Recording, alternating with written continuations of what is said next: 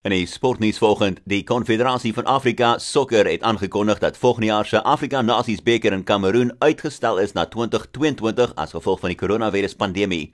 Die Afrika Kampioenligga sal hulle wedstryde dan klaarmaak in September, terwyl die Konfederasie beker hulle laaste wedstryde behoort te speel teen die einde van die jaar met 'n laaste 4 wat dan sal kan plaasvind in Marokko.